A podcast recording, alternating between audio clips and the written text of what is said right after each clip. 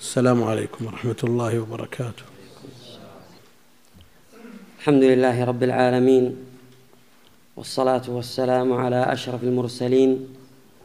قال قال المؤلف رحمه الله تعالى وغفر لشيخنا كتاب الغصب ومن غصب أرضا فغرسها أخذ بقلع غرسه وأجرتها إلى وقت تسليمها.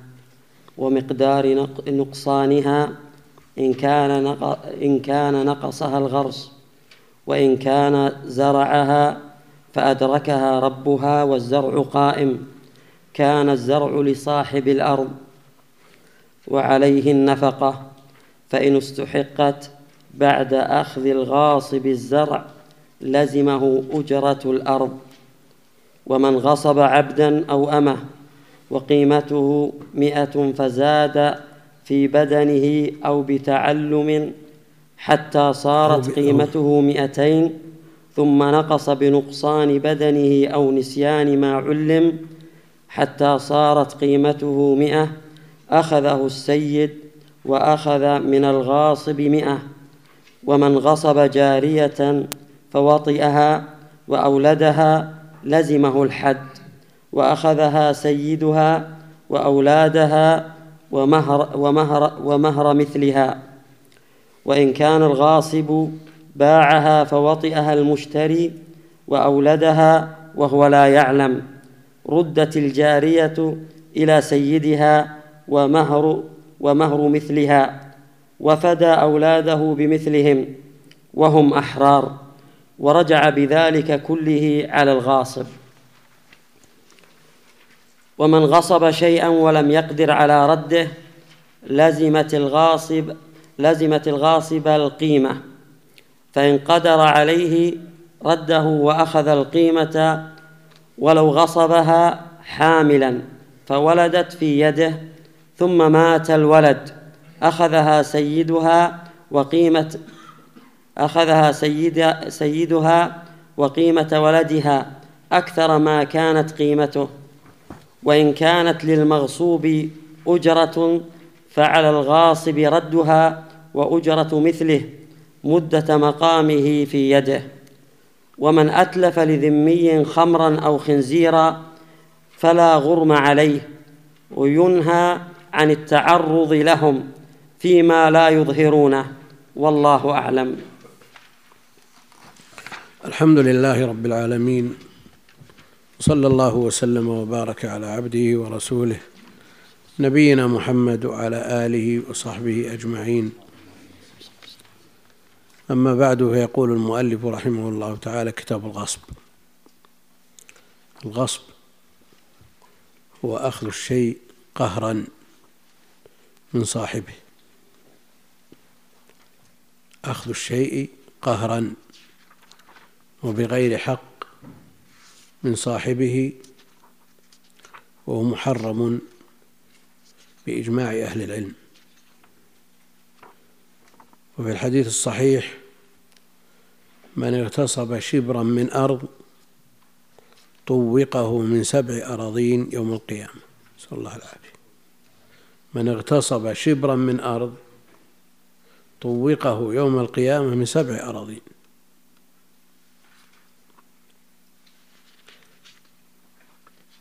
ونسمع فيما يتناقله الناس ويتداولونه من غصب الأراضي وسرقة الأراضي بالمسافات والمساحات الشاسعة والتهديد الذي سمعنا على شبر فكيف بما فوق ذلك ومن سبع أراضين ألا لو يكلف الإنسان حمل رحى ما استطاع. وهي مقدار ذراع بذراع؟ فكيف يطوق؟ من سبع أراضين أرض واحدة والأرض كم؟ عمقها. والثانية والثالثة إلى السابعة. نسأل الله العافية. فكيف إذا كان الغصب بمسافات ومساحات شاسعة؟ ويختلف أهل العلم في الصلاة في الدار المغصوبة والمكان المغصوب. هل تصح أو لا تصح؟ ومن يصححها؟ هل هو من باب تهوين شأن الغصب أو من باب إجراء القواعد على المسائل؟ نعم من باب إجراء القواعد على المسائل. ما هو ليس من باب تهوين الغصب. صلاة صحيحة والحمد لله. بيقوله الغاصب.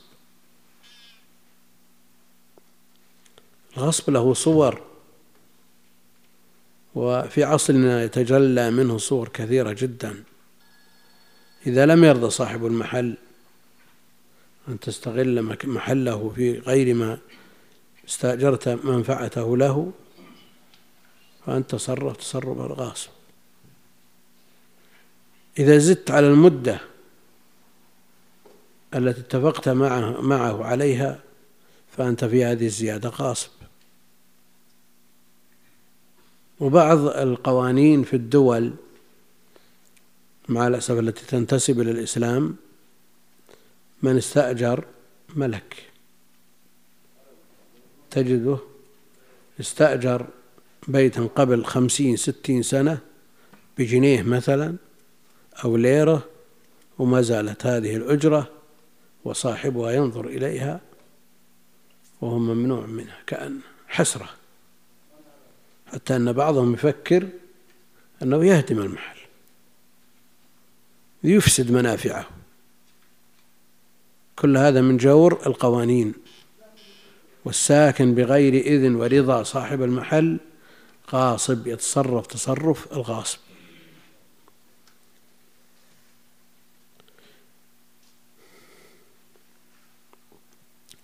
قال رحمه الله من غصب أرضا فغرسها غصب أرضا فغرسها يعني أخذها قهرا عن صاحبها ويوجد بكثرة الخطأ عند التطبيق تطبيق المخطط يخطئ صاحب الأرض في عمر الأرض بجوارها. هذا كثير. هل هذا غاصب ولا لا؟ هذا تصرف في ملك غيره بغير إذنه. ها؟ ما في قهر. ما في قهر. لكن ما الذي يلزمه إذا عمر أرض جاره؟ ها؟ أحيانا يكون الجار يتفهم الوضع فيأخذ الأرض بما فيها من عمارة ويدفع الفرق وأحيانا يعطيه أرضه بدلا من أرضه يتفاهمون وأحيانا يصر على أن تهدم الأرض. أنا ما أبي إلا أرضي. من أجل إيش؟ إلجاء هذا المخطئ أن يتنازل عن هذه العمارة. على كل حال على الإنسان أن يتأكد من تطبيق الأرض على الواقع ومن جهة حدودها بحيث لا يزيد ولو شيئا يسيرا. ويكون احتماله للنقص أبرأ لذمته وإن عامل بالعدل فلا يلام. لكن الذي يخشى منه أن الإنسان حال التطبيق يزيد ولو شيء يسير. لو يزيد سنتيمتر واحد صار غاصب.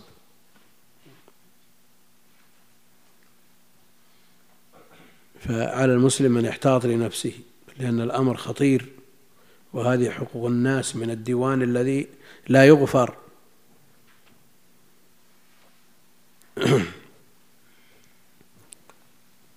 قال ومن غصب أرضا فغرسها. اغتصب هذه الأرض من صاحبها. أخذ بقلع غرسه يعني أجبر وألزم أن يقلع الغرس.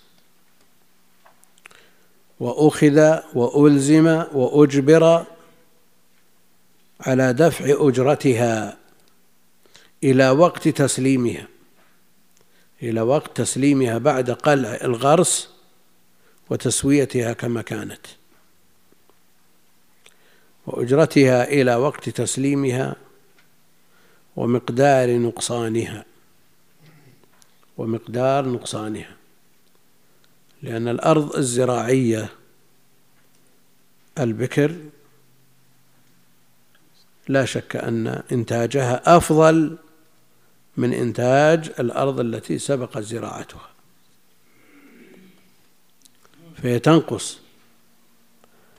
على كل حال يؤخذ, يؤخذ ويلزم بهذه الأمور. يقلع الغرس. وعليه أجرة القلع.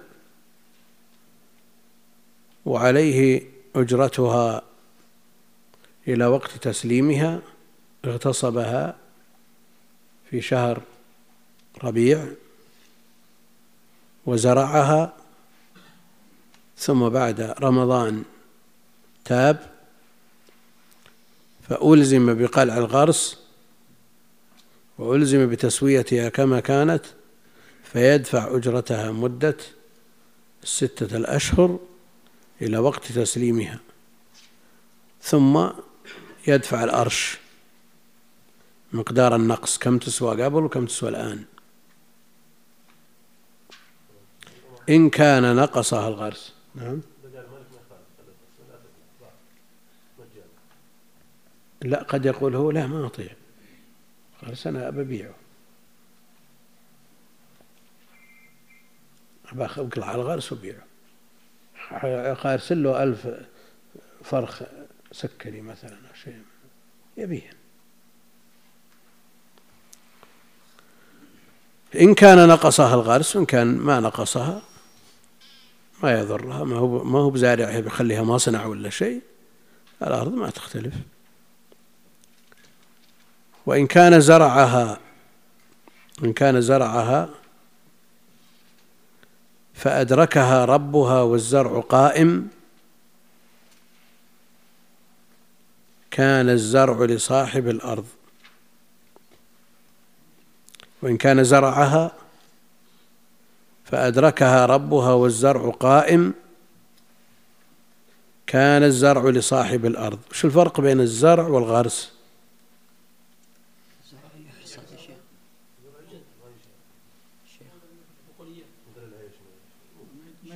نعم فرق بين الزرع والغرس. الغرس مثل ما قلنا النخل. نعم. الغارس النخل يقلع ويحط مكان ثاني لكن الزرع ما يمكن يوضع في مكان ثاني. كان الزرع لصاحب الأرض وعليه النفقة. طيب من قال الغاصب أنا اللي زرعتها بشيل الزرع من أجل أن لا يستفيد منه صاحب الأرض أبشيله وأسويها كما كانت وأدفع الأجرة وأيضا أدفع مقدار النقص كما تقدم. ها؟ قال فأدركها ربها والزرع قائم كان الزرع لصاحب الأرض. لأنه لا يستفيد منه. وأخذه مجرد إضرار. أخذه مجرد إضرار وإلا هو لا يستفيد منه. لو كان يستفيد منه مثل القرص لا بأس. ها؟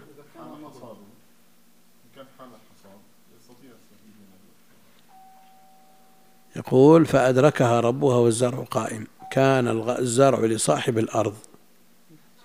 يعني في مقابل استخدامه لأرضه. وعليه النفقة. وإن استحقت بعد أخذ الغاصب الزرع الزرع الغاصب شال الزرع قلع الزرع. وإن استحقت بعد أخذ الغاصب الزرع لزمته أجرة الأرض لأن ذاك في مقابل الأجرة ما في أجرة في الصورة السابقة. فأدركها ربه والزرع قائم كان الزرع لصاحب الأرض لكن ما عليه أجرة. وعلى صاحب الأرض النفقة. وإن استحقت بعد أخذ الغاصب لزمته أجرة الأرض. يريد أن يكون الزرع في مقابل الأجرة. ها؟ لا ما بعد وصل الحصاد إلى الآن. زرع قائم. المهم إنه اخذوا عاد سواء بحصاد ولا ولا اخذوا علف بعد. بعلف الاغنام قبل أوانه. نعم. ليظهر إنه على صاحب الأرض. إيه؟ صاحب الأرض أقرب مذكور.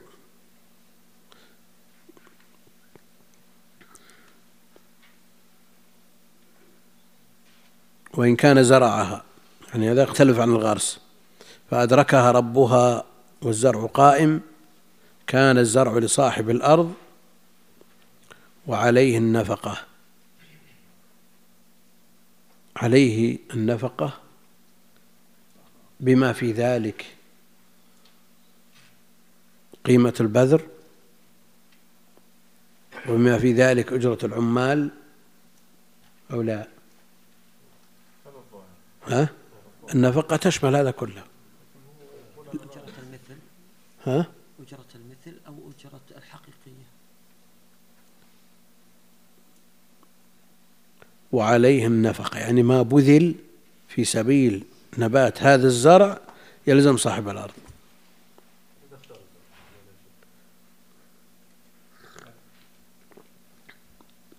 طيب لو قال أنا ما أبي الزرع أنا ما نويت أزرع بعمر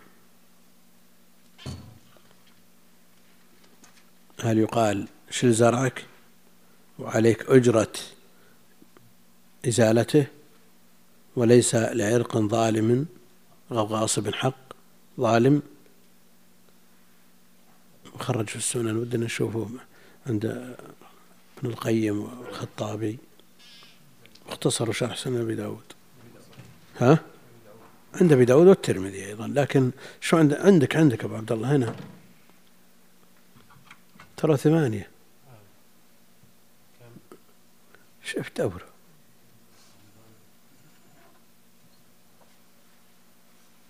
من راوي الحديث. عندكم الشروح كله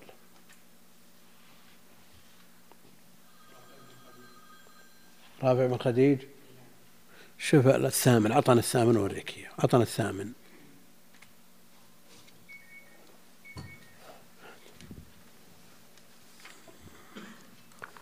رافع بن خديج.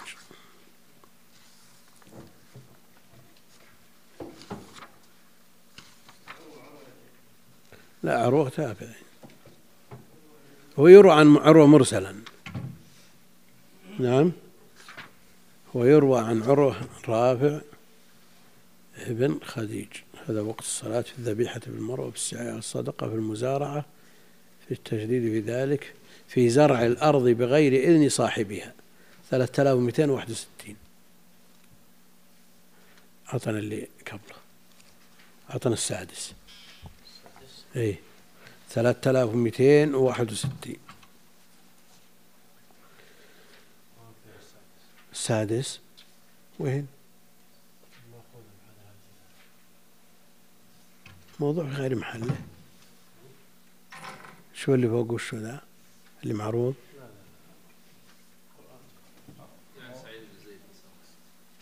إيه لا خلينا نشوف رافع ها هات السابع قريب السابع.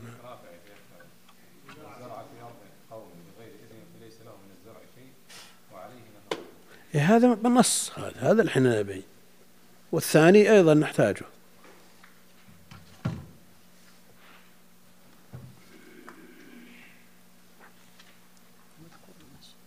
ثلاثة وأربعمائة أعطنا اللي قبله. خامس. ما هو بالسادس ليت الحاجة الغد نلقى. ثلاثة آلاف ومئتين. واحد وستين. إيه لا عندنا إن شاء الله. هذا هذا موجود هنا. عن عطاء وهو ابن أبي رباح عن رافع بن خديج قال قال رسول الله صلى الله عليه وسلم من زرع في أرض قوم بغير إذنهم فليس له من الزرع شيء وله نفقته. من الزرع لصاحب الأرض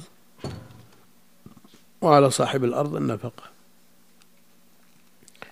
قال المنذري وأخرجه الترمذي وابن ماجه وقال الترمذي حسن غريب. لا نعرفه من حديث أبي إسحاق إلا من هذا الوجه.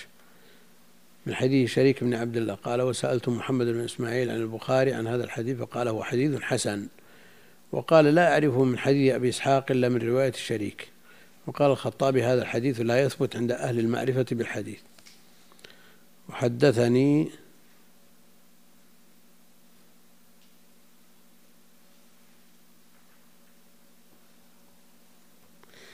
قال الشيخ يعني الخطابي هذا الحديث لا يثبت عند أهل المعرفة بالحديث. وحدثني الحسن بن يحيى عن موسى بن هارون الحمال أنه كان ينكر هذا الحديث ويضعفه ويقول لم يروي عن أبي إسحاق غير شريك ولا عن عطاء غير أبي إسحاق وعطاء لم يسمع من رافع بن خديج شيئا.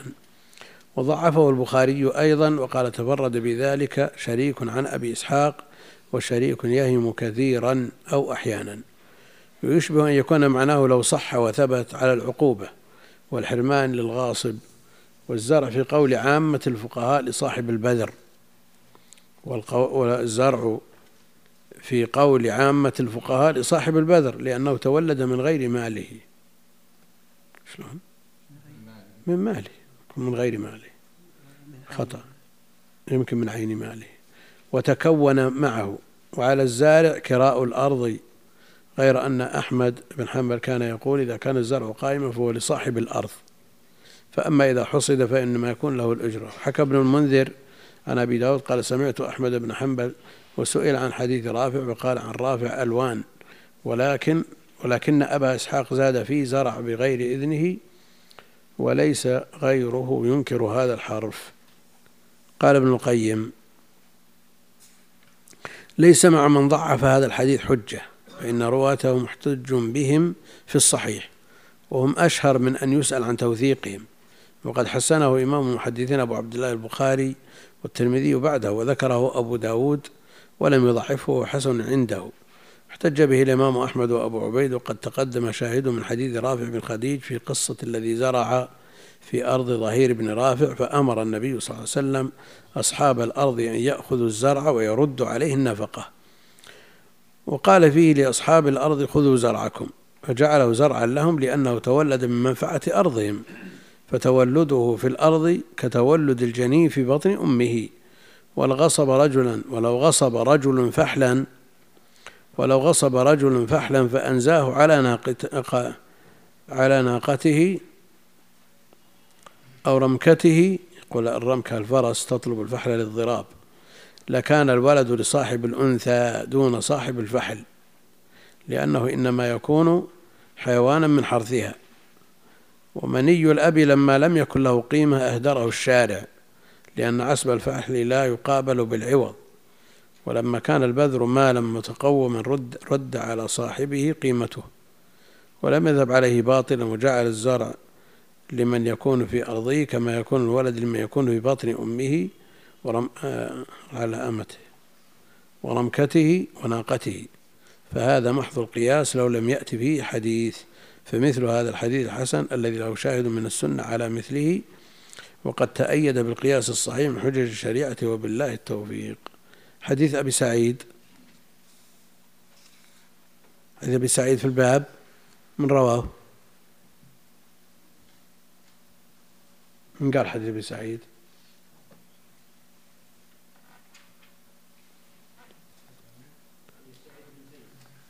سعيد بن زيد. نعم. سعيد بن زيد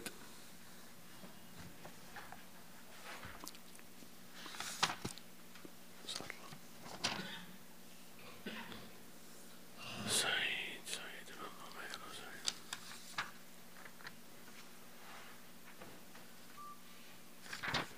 وين سعيد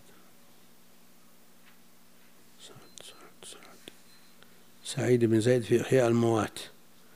2949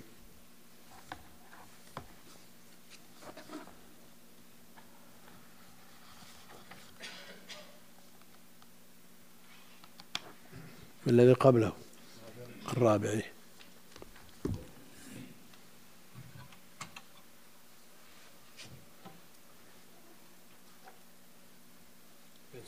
تسعة وأربعين.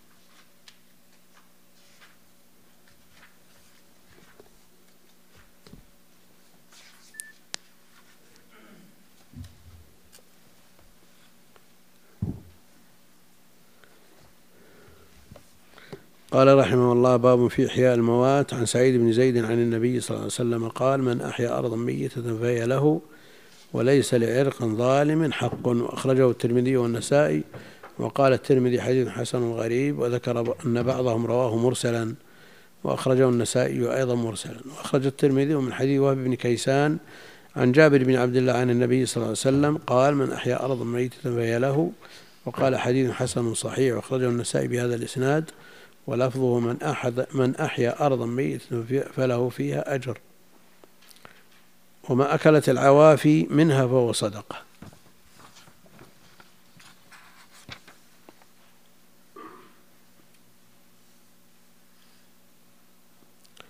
قال الخطابي قلت إحياء الموات إنما يكون بحفره وتحجيره وبإجراء الماء إليه وبنحوها من وجوه العمارة فمن فعل ذلك فقد ملك به الأرض. سواء كان ذلك بإذن السلطان أو بغير إذنه. وذلك لأن لأن هذا كلمة شرط وجزاء فهو غير مقصور على عين دون عين ولا على زمان دون زمان وإلى هذا ذهب أكثر أهل العلم. وقال أبو حنيفة لا يملكها بالإحياء حتى يأذن له السلطان في ذلك وخالفه صاحباه فقال كقول عامة العلماء. وقوله ليس لعرق ظالم حق هو أن يغرس الرجل في غير أرضه بغير إذن صاحبها فإنه يؤمر بقلعه إلا أن يرضى صاحب الأرض بتركه.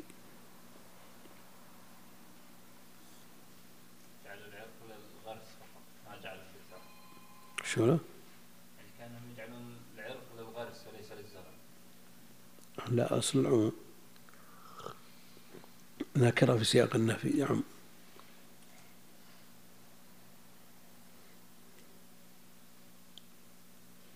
قال قال هشام بن عروة العرق الظالم أن يغرس الرجل في أرض غيره فيستحقها بذلك. قال مالك والعرق الظالم كل ما أخذ واحتفر وغرس بغير حق.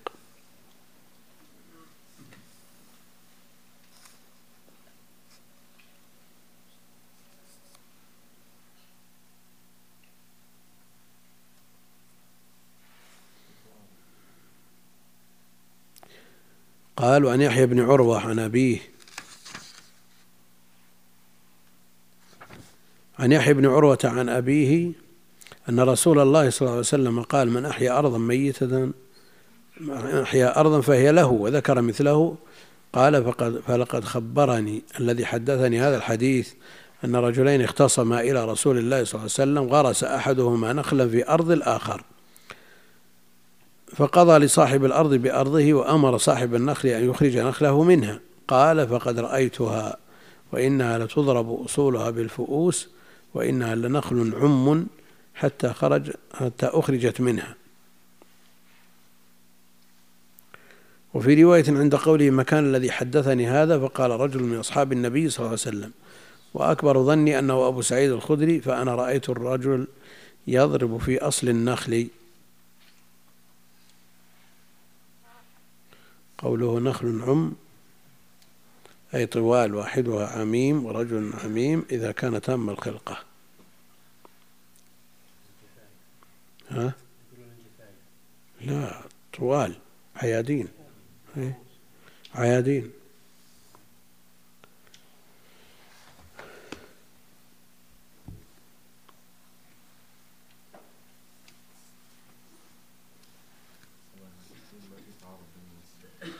في إيش؟ وجه التعارض.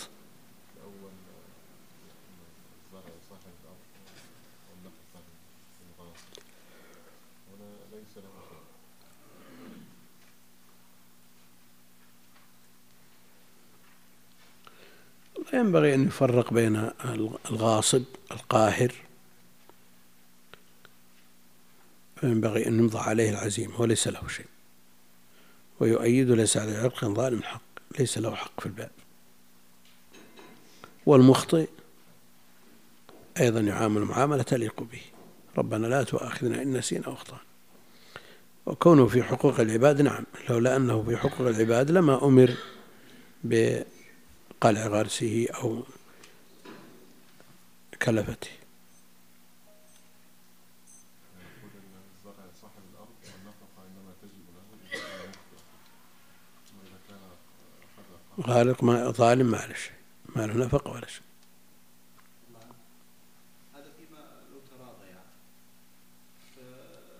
فله الزرع وعليه النفقة على كل حال إذا تراضيا الأمر لا يعدوهما. لكن المسألة عند المشاحة والمقاضاة.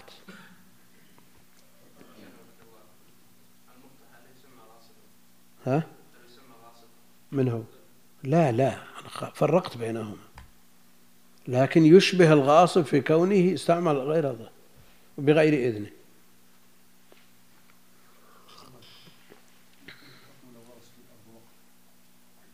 إيه. لا لا ما يختلف. ما يختلف. ولو كانت أرض بيت المال مثلا واغتصبها الحكم واحد. إلا أنهم لا يقولون بقطعه إذا سرق من بيت المال بخلاف الأملاك الخاصة. ما نقول الحق لا يعدو صاحب الأرض وله الخيار كذا وكذا تكون كل هو وإذا اختار إذا اختار ورضي بما اختاره لا شك أنه هو لا هو هو المطلوب رضاه. أما الظالم الغاصب لا يعتبر رضاه. قال رحمه الله من غصب عبدا أو أمة وقيمته مئة. من غصب عبدا أو أمة وقيمته مئة فزاد في بدنه أو بتعليمه. زاد قوة في بدنه شاط تمرن وتدرب عند الغاصب فزاد قوة في بدنه. فبدلا من أن تكون قيمته مئة صار يسوى مئة وخمسين. لأنه يدخر حينئذ للذود والدفاع صارت قيمته مئة وخمسين. ثم عاد كحالته الأولى. يأخذه ويأخذ الفرق. يأخذ ويأخذ خمسين معه. وكذلك لو تعلم صنعة. كتابة أو قراءة. صار بدل ما يسوى ما يسوى مئتين ثم نسي الكتابة. ثم نسي الكتابة. يأخذه ويأخذ معه مئة. على ما قرره المؤلف. ومن غصب عبدا أو أمة وقيمته مئة. فزاد في بدنه أو بتعليمه صنعة. حتى صارت قيمته مئتين. ثم نقص بنقصان بدنه يعني ما استفاده عند الغاصب فقده فقده. لماذا نلزمه بدفع المئة وبدفع الفارق لأن صاحبه مستحقا له في جميع المدة ويستحقه حتى في وقت الزيادة هذه. والغاصب ليس له يعرق ظالم حق ما له شيء. كونه علم معلم هذا يروح عليه. فهو مستحق له في المدة كلها في وقت الارتفاع وفي وقت النزول. فالأحظ له أن يقوم في وقت الارتفاع فيأخذه ويأخذ الفرق. نقص الزياده نفسها وزنه 100 كيلو ثم النشطه صار 120 ثم النحل صار 100 وش يسوى يا مسلم 120 زادت قيمته؟ يستحق هذه الزيادة. لأنه في وقت الزيادة وقت ارتفاع القيمة يستحقه المفترض أن نرد عليه في هذا الوقت. تصورت ها؟ لو رجع الوزن الأول لأنه ما من لحظة من غصبه إلى إرجاعه إلا ويستحق صاحبه حتى في وقت الزيادة.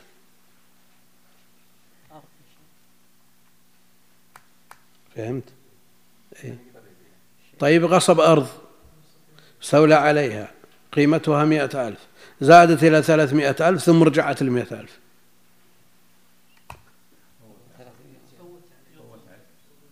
شلون فوت عليه؟ لا نقول ما من لحظة من لحظات الغصب إلا ويستحقها صاحبها. فيدفع فيدفع أعلى قيمة وصلت إليها. على مقتضى كلام المؤلف رحمه الله. ها الأرض إذا زرعت ما ترتفع قيمتها لما حصدها ألزمناه بالنفقة ولم نلزمه في قيمة الأرض لما ارتفع لا هو أنا الأرش لا بد منه. الأرش لا بد منه. لكن الزرع له صاحب الأرض. لصاحب الأرض. لو حصد قبل أن يسلم الأرض. لو حصد لزمه النقص الأرش. مثل مثل لو قلع الغرس. مثل لو قلع الغرس. الآن يلزمه أجرة المدة. أجرة المدة والأرش. وأرش النقص إذا نقصت إذا نقصت إيه. لا هي تنقص إذا كانت الزراعية تنقص عند المزارعين فرق بين أرض بكر ما زرعت أبدا وبين أن تزرع ثم تستثمر ثانية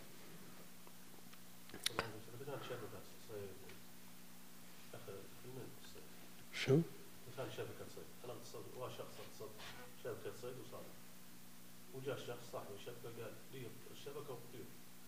من نتاج آه، شبكته بسبب شبكته ياخذ الطيور وليس لعرق خذ خذ القاعدة أنت. ليس لعرق ظالم حق. ما له حق.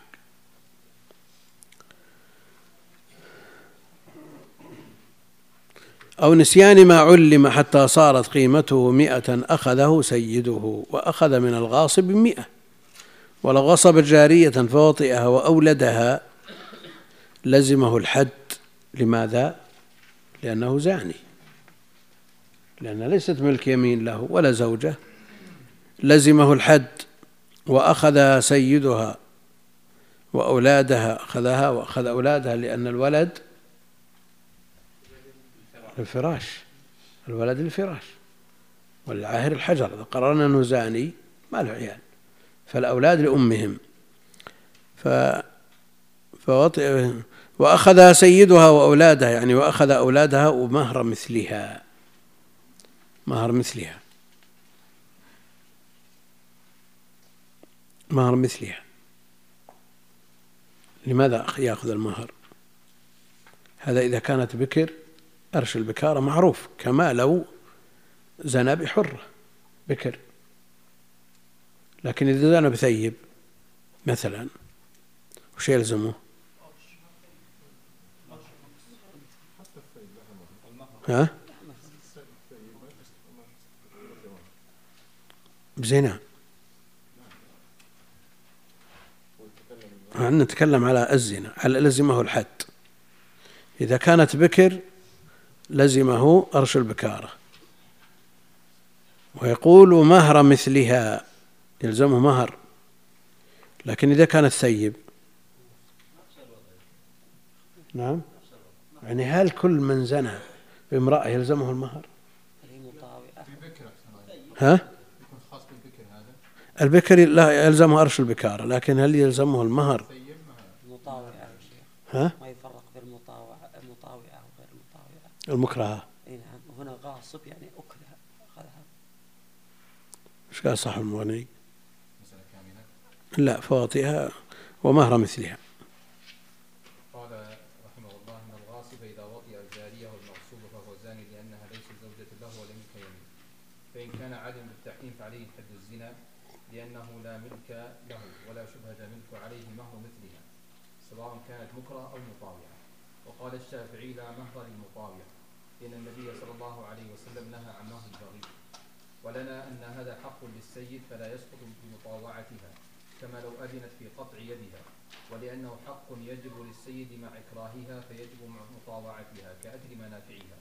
والخبر محمول على الحرة. ويجب أرش بكارتها لأنه بدل جزء منها. ويحتمل ألا يجب لأن مهر البكر يدخل فيه أرش البكارة. ولهذا يزيد على مهر الثيب عادة لأجل ما يتضمنه من تفويت البكارة وإن حملت فالولد مملوك لسيدها أكمل؟ اي كمل.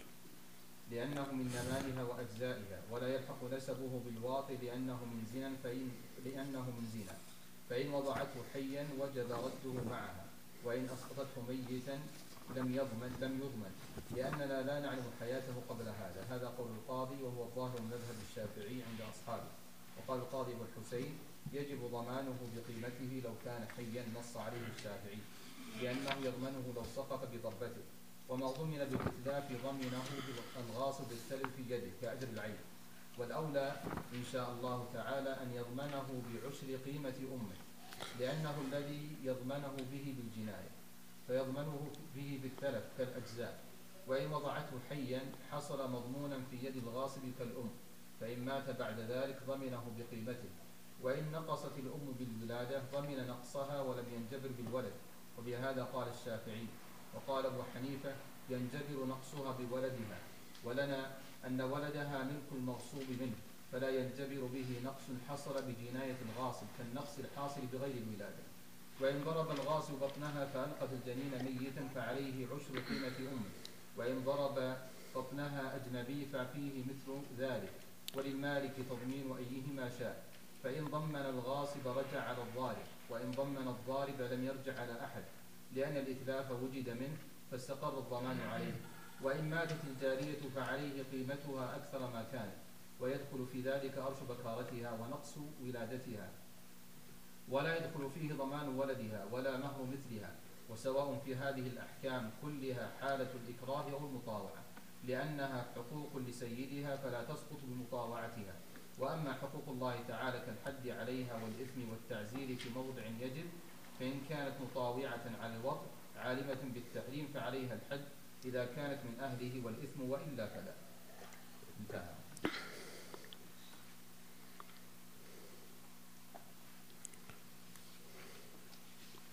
ولو غصب جارية فوطئها وأولدها لزمه الحد لأنه زاني.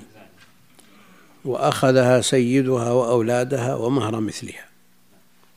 وإن كان الغاصب باعها غصبها فباعها. فواطئها المشتري وأولدها وهو لا يعلم يظنه هو المالك.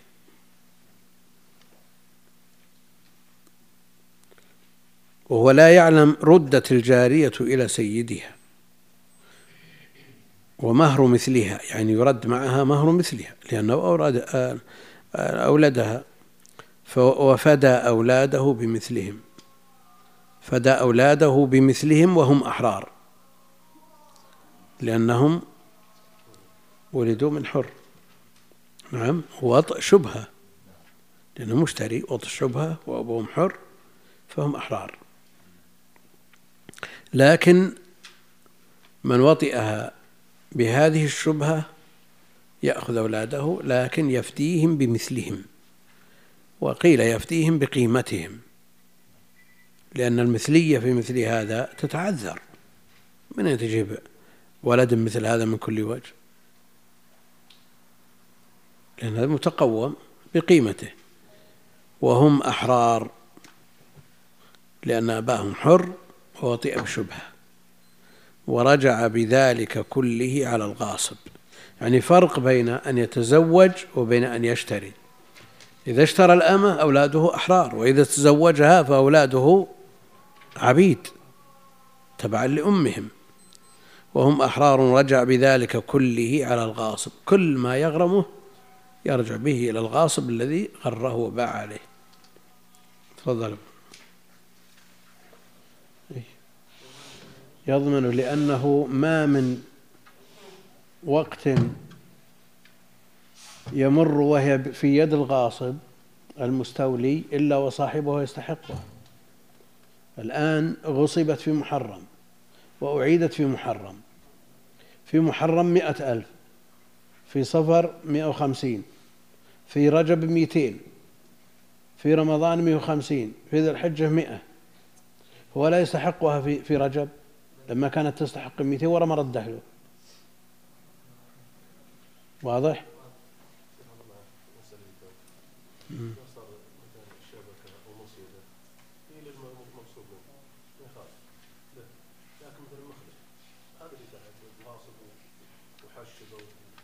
ليس له عرق ليس له حق. هذا عرق ظالم. ليس له حق. ها؟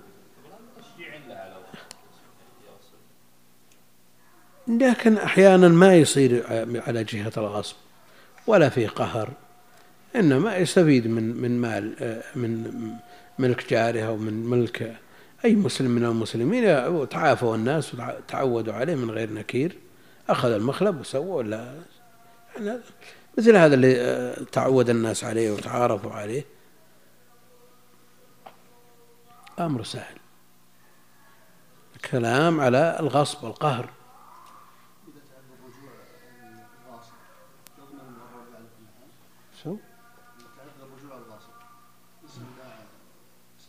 اللي بعدها.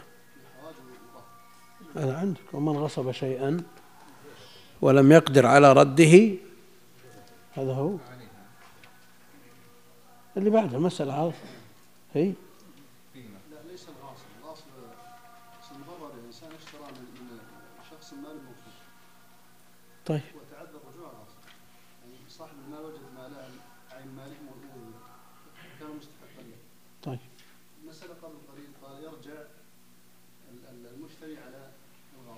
سلف. طيب. لو تعذر رجوع الغاصب يضمن على كل حال المشتري أن تفترض أن الغاصب مات باعه ومات باعها المغصوب ومات ووجدت في يد من اشتراها. وصاحبها الأصلي موجود يطالب بها. من يرجع عليه؟ ها؟ ورث ما, ما ورثهم شيء ولا عندهم شيء. إيش دخله؟ ما غصبوا شيء. ها؟ يقول أنا ما فرطت. الظاهر والصلاح وجت السيارة بالمعارض تباع ولا ولا فرطت ولا شيء نشوف إيش يقول المؤلف ترى قريبة من هذا. الجارية اللي بيعت ما صارت أم ولد للمشتري. يجب عليه فيه إي بس ما هو ملك صحيح. ما هو بشراء صحيح. شراء باطل وما ترتب عليه باطل. إيه.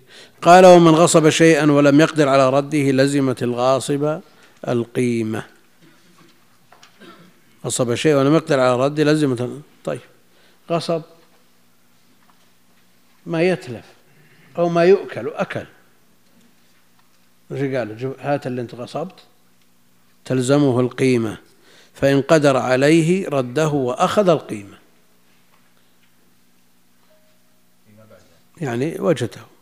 ضاع منه فلا يقدر على رده ثم وجده. وقد دفع قيمته فإن قدر عليه رده وأخذ القيمة لأن الأصل أنه يرد بعينه. ولو غصبها حاملا غصب جارية وهي حامل فولدت في يده ثم مات الولد. والغصب حاملا ثم فولدت في يده ثم مات الولد. أخذها سيدها وقيمة الولد. يعني مثل ما قلنا سابقا لأن سيدها يستحقها في جميع لحظات الغصب. بما في ذلك ما بعد الولادة وقبل الموت. أخذها سيدها وقيمة ولدها أكثر ما كانت قيمته. لما ولد يجيب عشرة آلاف ثم شهر أحد عشر ألف ثم بعد سنة يسوى عشرين ألف ثم مات. أكثر ما كانت قيمته. وإذا كانت للمغصوب أجرة فعلى الغاصب رده. وأجرة مثله مدة مقامه في يده. ليموزين جاء واحد. لقاه يشتغل وأخذه ومشى أو أخذ المفتاح قاصرا من من صاحبه ومشى. هذا الليموزين له أجرة يومية. فإذا أعاده يدفع هذه الأجرة. وأجرة مثله مدة مقامه في يده. ومن أتلف لذمي خمرا أو خنزيرا يعني هذا ليس بمال. لأن المحرم ليس بمال. ومن أتلف لذمي خمرا أو خنزيرا وإن كان يتدينون بجوازه أتلفه فلا غرم عليه لأنه لا يغرمه لمسلم فكذلك لا يغرمه لكافر. ومن أتلف لذمي خمرا أو خنزيرا فلا غرم عليه وينهى عن التعرض لهم فيما لم يظهروه لأن هذا من مقتضى العهد. والذمة أنهم يقرون على ما يتدينون به ويرون حله على أن لا يظهروه بين المسلمين.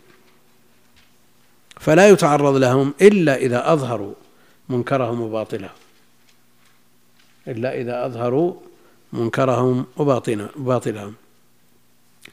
بعض أهل الغيرة يقولون لماذا لا يمنع المبتدعة الذين تصل بدعتهم إلى أن تكون مكفرة ومخرجة من الملة لا لماذا لا يمنعون من الحج؟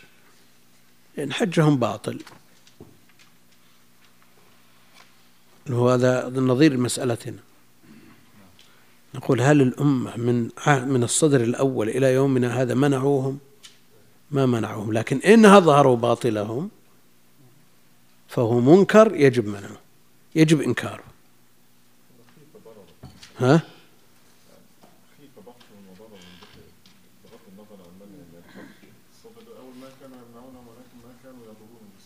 الله فيهم ضرر عظيم. أنت ما تقرأ البداية والنهاية وش يسوون؟ في محرم من كل سنة وش يقع منهم؟ لا لا هذول يتربصون بالأمة الدرائر في كل لحظة.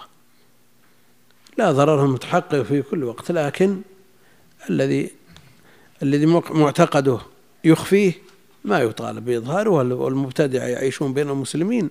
ما حد يتعرض لهم. يدعون وينصحون ويوجهون تبين لهم الأدلة وأضرار بدعهم لكن إلزامهم غير متوجه. إلا إذا أظهروا شيء. إما أن يقول وهو يطوف بالكعبة يا أبا عبد الله أتينا بيتك وقصدنا حرمك. إيش يا أبا عبد الله قصد أتينا بيتك وقصدنا حرمك نرجو مغفرتك. ها؟ هذا بالكعبة بالصوت ويرددون وراه. مثل هذا يجب منعه من أعظم المنكرات الشرك الأكبر. لا منعه من إظهار منكره من إظهار منكره. ومثلهم أهل الذمة لا ينبش عنهم في بيوتهم ماذا يصنعون يشربون الخمر يأكلون الخنزير ما علينا منهم. لكن إذا أظهروه ها؟ وش فيه ظاهرة. المقصود في وسط دورهم كيفهم؟ لكن المشكلة الآن هم في بلاد المسلمين ونسائهم آه، تخرج مثل ما تخرج في بلادهم. شبه عراة. هذه المشكلة. ويفتنون شباب المسلمين فتنوا شيب المسلمين ما بشبابهم. هذا يجب منعه والعهد لا يدخل في مثل هذا. شلون استيراده؟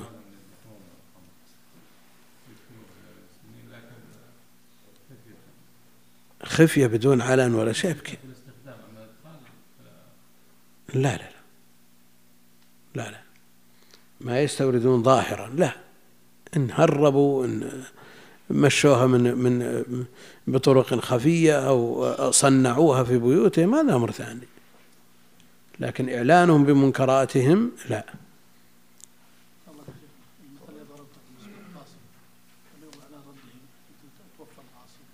إيه.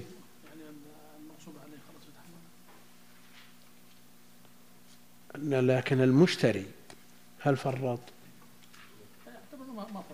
ما تعدى ولا فرط. ما يضمن. من غير تعد ولا ولا تفريط. الأصل أنه لا يضمن. لكن أيضا صاحب العين الذي وجد عينه أخذت منه قهرا لا بد أن يكون له تعويض. شو يقول عندك؟ مغني؟ يقول هنا. ها؟ عجيب.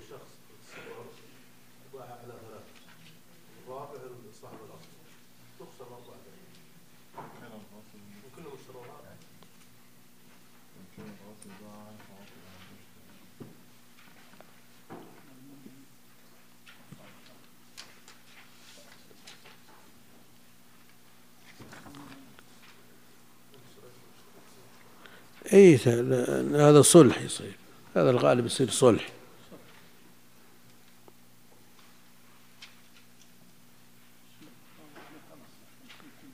ومن غصب شيئا ولم يقدر على رده لزمت الغاصب القيمة فإن قدر عليه رده وأخذ القيمة ولو غصبها إلى آخره ها؟ وش هي؟ المسألة لو لو مات ال- العاصي المسألة قبلها منصوص عليها؟ ما غير منصوص عليه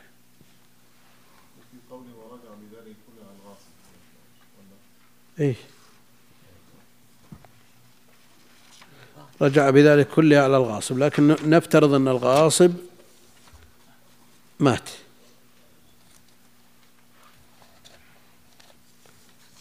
شو يقول ليس من أول أحسن عليك رجع بذلك كله على الغاصب.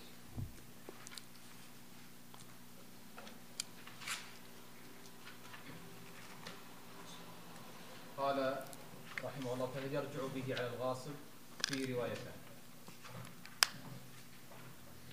إحداهما يرجع به وهو قول الفرقي لأنه دخل في العقد على أن يتلفه بغير عوض. فإذا غرم عوضه فإذا غرم عوضه رجع به. كبدل الولد ونقص الولادة وهذا أحد قولي الشافعي والثاني لا يرجع به كسائر المسائل التي يحصل فيها غرر فيرجع بها على الغار. نعم. والثاني لا يرجع به وهو اختيار أبي بكر وقول أبي حنيفة لأنه غرم ما استوفى بدله فلا يرجع به كقيمة الجارية وبدل أجزائها.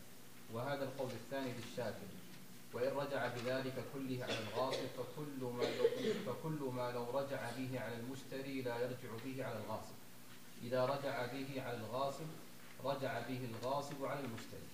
وكل ما لو رجع به على المشتري رجع به المشتري على الغاصب إذا غرمه الغاصب. لم يرجع به على المشتري.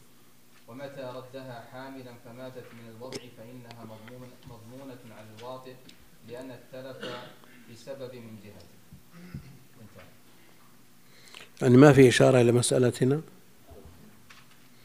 الغاصب غصب ثم باع ثم مات.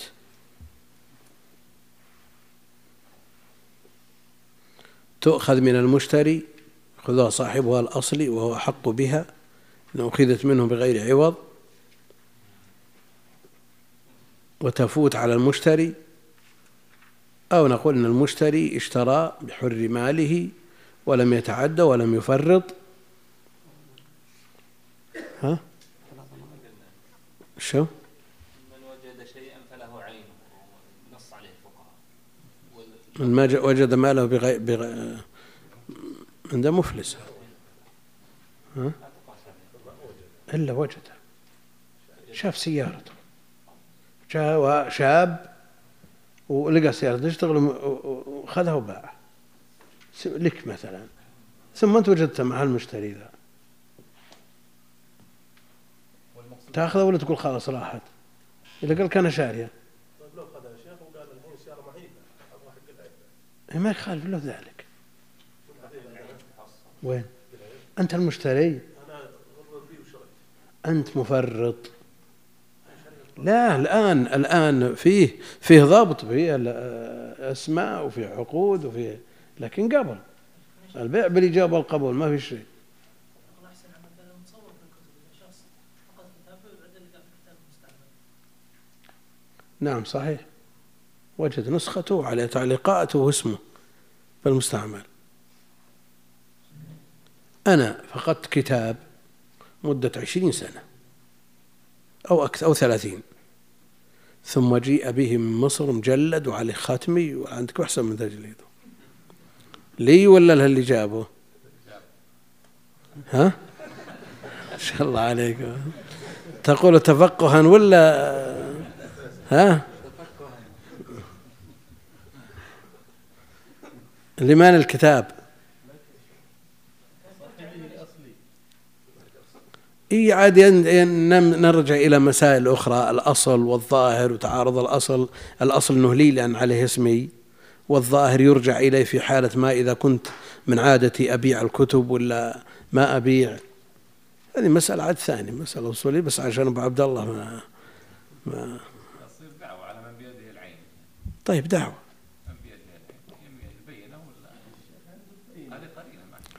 هذا الأصل أنه لي الكتاب لي عليه ختمي وعليه تعليقاتي كتابي. الختم هي الأصل.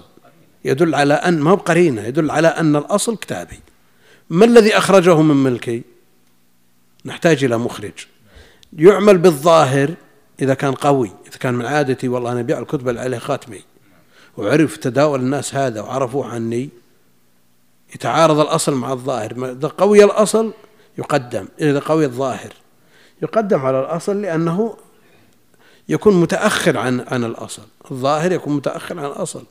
لأن جرت العادة أن يبيع شو المانع أني بعت الكتاب من ضمن ما بعت؟ لكن إذا ما عرف أن يبيع مثلا مكتبة حكومية عامة وجل ختم وبيع في المكتبات. يب- يبنى على الأصل. لكن أين يرجع المشتري؟ وين؟ يرجع الغاص على أحد ولا؟ على ختم فرط هذا. في الشراء بالشراء مفرط. ولذلك الآن أصحاب التحري من أهل المكتبات يشترون كتب فيها ختوم ويأخذون سند. من المكان الذي بيعت منه أن المحل هذا اجتمعت لجنة وقررت أن المكتبة ليست بحاجة إلى هذه المجموعة من الكتب بأسمائها كذا وكذا وتوقيع اللجنة وهذا يجيبون أحيانا والغالب أنهم على البركة ما يجيبون شيء ولا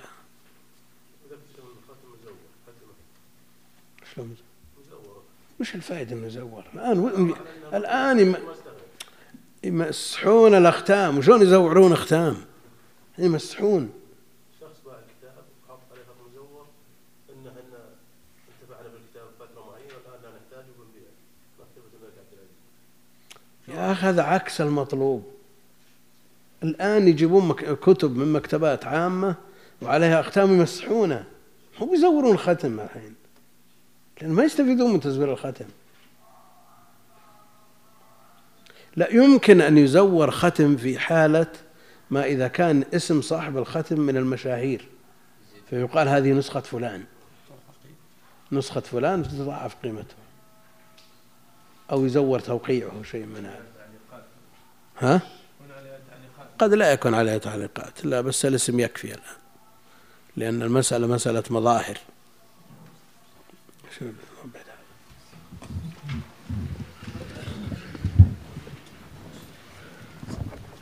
عقود الإيجار الآن اللي عندنا في مصر الإيجار. إيه. هذه كانوا يكتبون المدة مفتوح ما ما العقد كذا هو موقع من هو أول عقد باطل. لابد تكون المدة معلومة. إيه إيه يعني لابد تكون المدة معلومة. سألكم يا شيخ مسألة الغصب. يقطفون الغصب عن القرض فيما إذا وجد صاحب العين عينه في بلد آخر.